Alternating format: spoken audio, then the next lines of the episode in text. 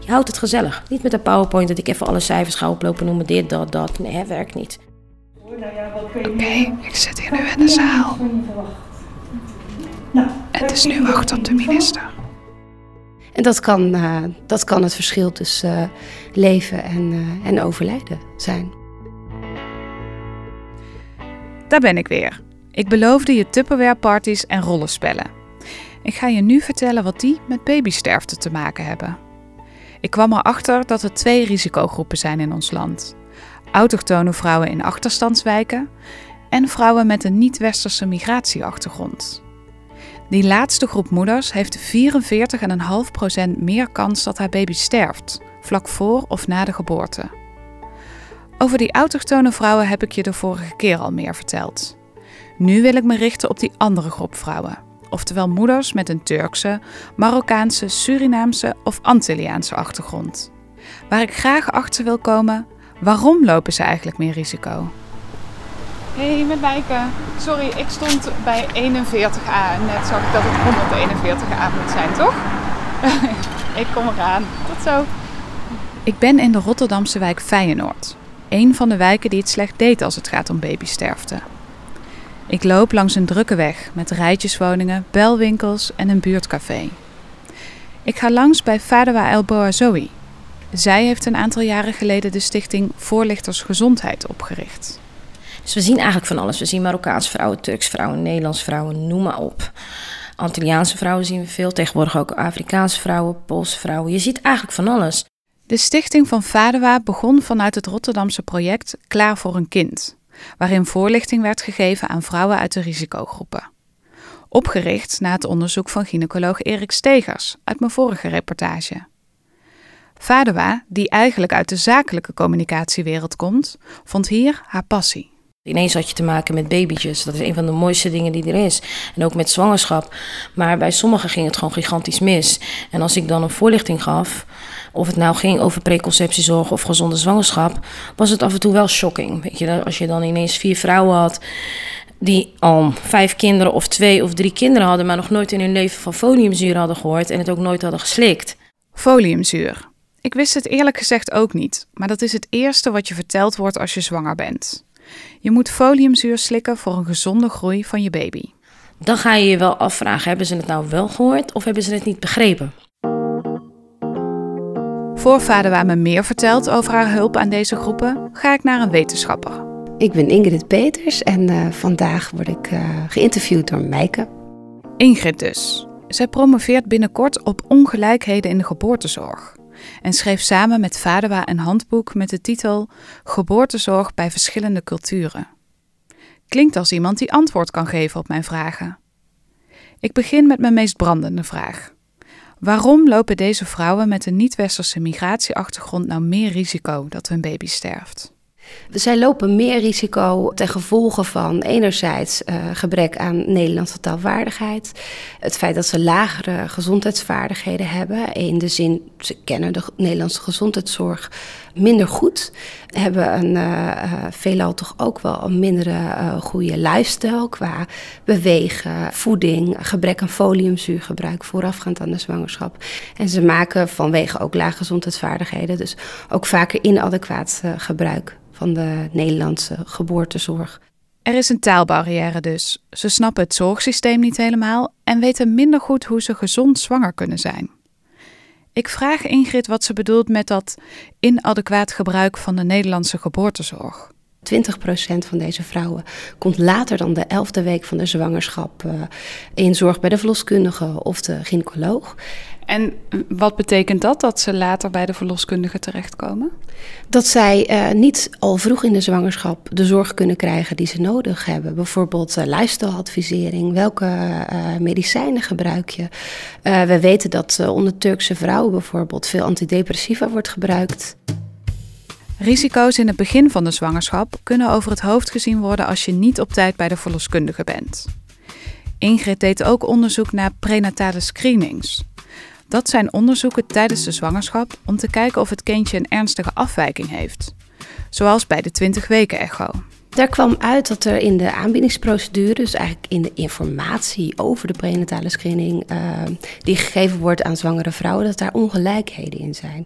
En met name vrouwen met een niet-westerse migratieachtergrond en een lage Nederlandse taalvaardigheid kregen minder een informatieaanbod over de prenatale screening. Dus die werd niet gevraagd of minder gevraagd.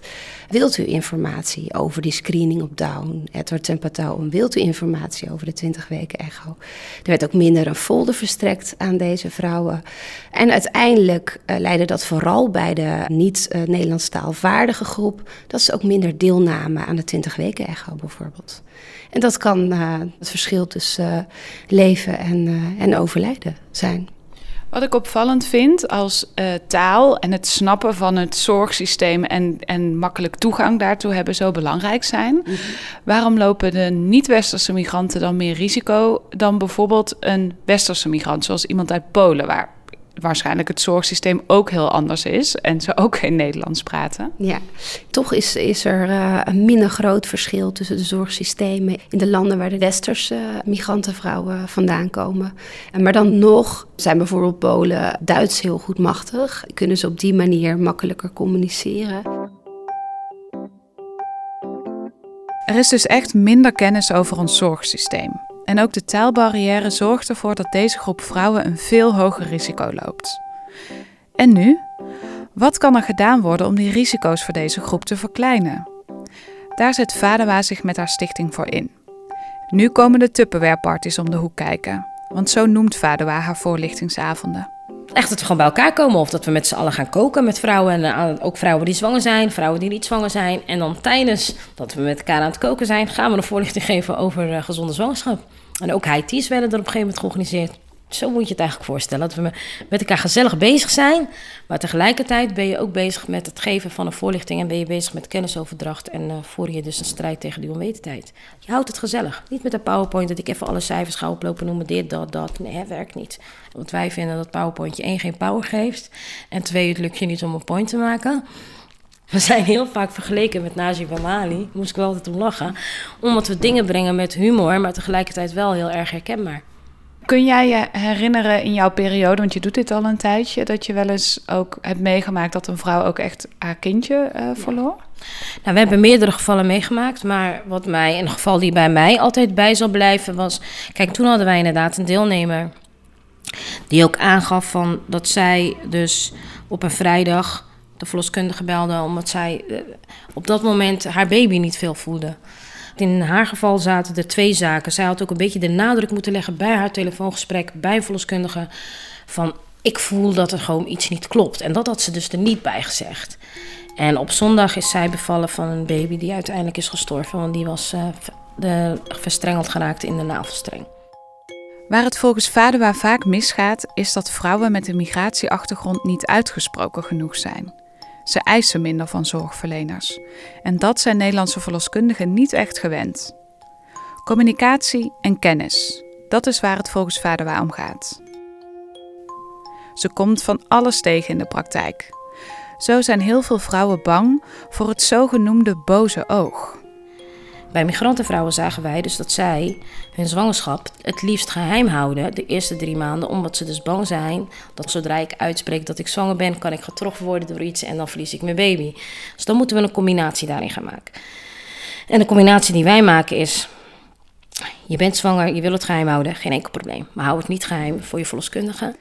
Een ander probleem wat Vaderwa vaak ziet in de praktijk is dat aanstaande moeders verkeerde adviezen uit hun omgeving krijgen. Als jij uit de Marokkaanse cultuur komt en jouw moeder leert jou, jij moet alles eten waar jij trek in hebt, want anders wordt jouw baby geboren met een aangeboren afwijking. En jij hebt trek in lever als je zwanger bent. En jij hebt die kennis niet dat lever risico met zich meebrengt, ga je toch sneller luisteren naar de adviezen van je moeder. Vaderwa zou zich zulke discussies in haar Marokkaanse familie ook wel voor kunnen stellen. Als ik tegen mijn moeder bijvoorbeeld zou zeggen die honing gaf aan baby's, wat niet mag, weet je, de eerste jaar. En als ik tegen mijn moeder zou zeggen, mama, honing is niet goed voor de baby's, ja, dan krijg je gelijk te horen, je, jullie leven toch allemaal nog? Dat is één. Zou ik zeggen, ja, ma, honing is gevaarlijk voor de baby's, dan zou ze zeggen, ja, honing gevaarlijk, die van Nederland, niet die van ons komt uit de bergen. Maar als ik zeg, mama, er is een risico aan dat de baby dood kan gaan. Ik heb direct mijn moeders aandacht. En mijn moeder gaat aan iedereen vertellen, niet geven honing aan baby, baby dood. Even een collega van mij erbij halen? Ja. Ik begin steeds meer te begrijpen dat cultuur belangrijk is. Maar een groot probleem is ook taal.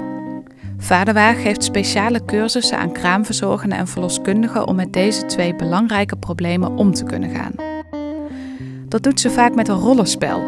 Dat gaan wij ook doen. Haar vrouwelijke collega Hosnia schuift aan. We draaien de rollen om. Ik moet een migrant spelen die zwanger is in Marokko. Je wordt ter plekke door mij uitgehuwelijkd aan een Marokkaanse man. Oké, nou, is niet jouw man. mooie man dit. eh. Het is jouw man. Jij bent zwanger van hem.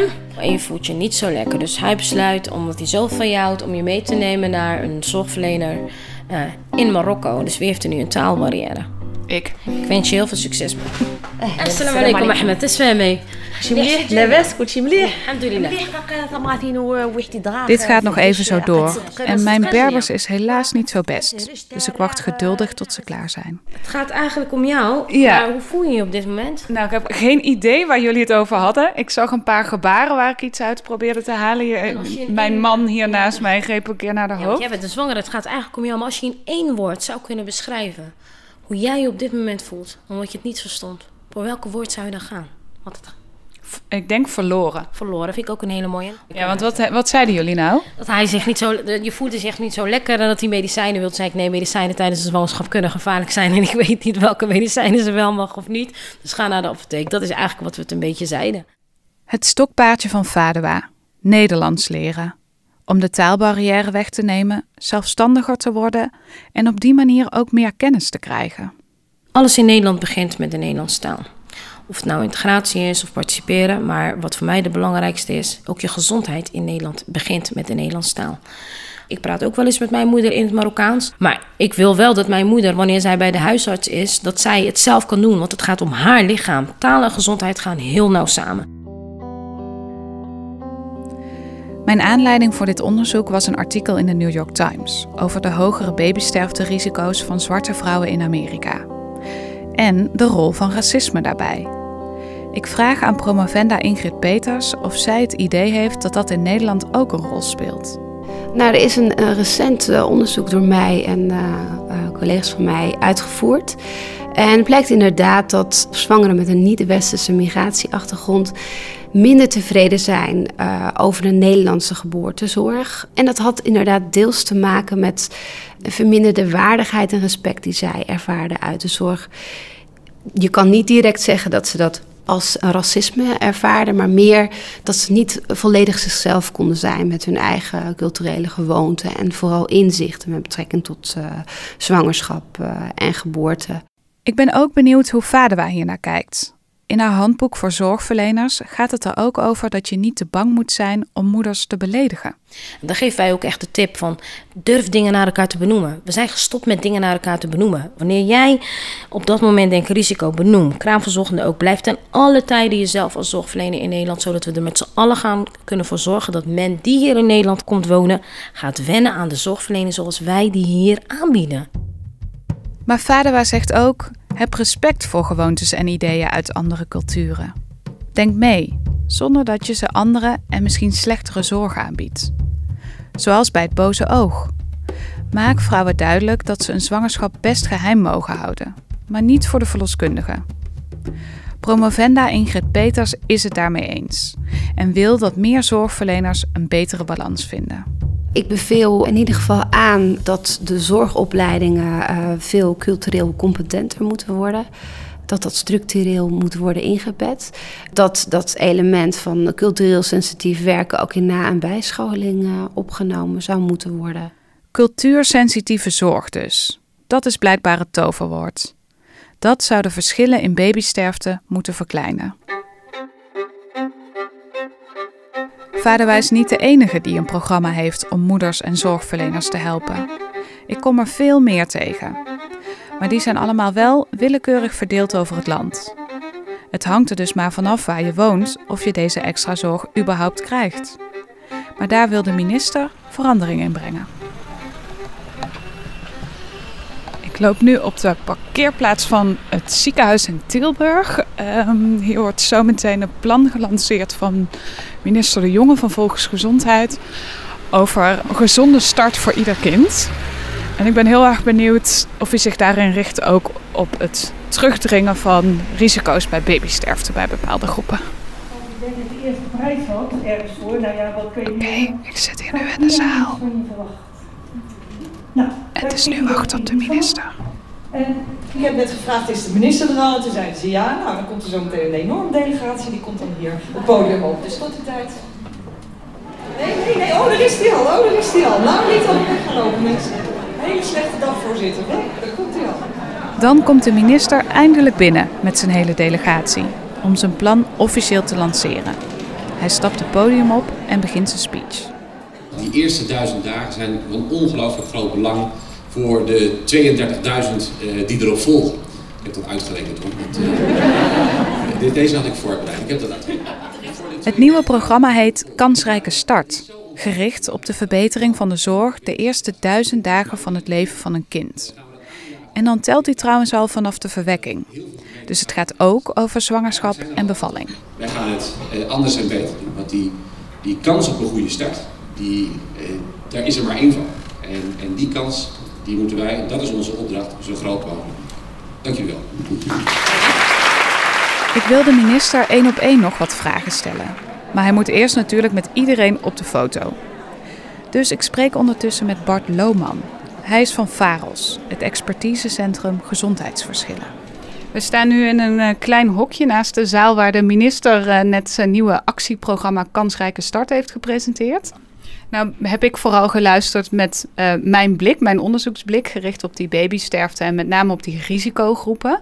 Heb jij het idee dat de minister, heeft het steeds over kwetsbare ouders en kwetsbare gezinnen. Heb jij het idee dat hij genoeg gericht is op specifieke risicogroepen? Nou, het is mij ook opgevallen. Hè? Dus in het hele rapport en in de presentatie wordt de tijd gesproken over, uh, over risicogroepen. En uh, wij weten dat de, mensen met een migratieachtergrond of mensen met een vluchtelingenachtergrond een verhoogd risico hebben. Uh, dat die vaak niet ja, de zorg krijgen die ze verdienen. het zou aandacht moeten hebben dat het in de uitwerking van al deze plannen, dat die aandacht voor die echte persoonsgerichte zorg en daarmee dus ook aandacht voor cultuursensitieve zorg, dat dat wel voldoende meegenomen wordt. Jij wil nog even een paar vragen stellen? Ja, als dat zou kunnen graag. Dan heeft de minister eindelijk tijd voor me. Um, u heeft net het programma Kansrijke Start uh, gelanceerd. Ja. Uh, dat is wat ik lees en hoor nog een vrij algemeen verhaal waar het ook gaat over kwetsbare moeders en kwetsbare gezinnen. Welke specifieke risicogroepen bedoelt u daar dan mee? Dat is eigenlijk een heel specifiek verhaal. Ehm, die, waarbij we zeggen. Uh, als je kijkt naar de geboorteuitkomsten in Nederland, dan zien we dat het met de meeste kinderen goed gaat. Dat is één. We zien ook dat iets waar in Nederland altijd heel erg achterliep, namelijk de babysterfte, dat dat eigenlijk uh, heel veel beter is gegaan in de afgelopen periode. Dus dat gaat eigenlijk de goede kant op, zou je kunnen zeggen. En tegelijkertijd zien we ook dat een flink aantal kinderen met een valse start ter wereld komen.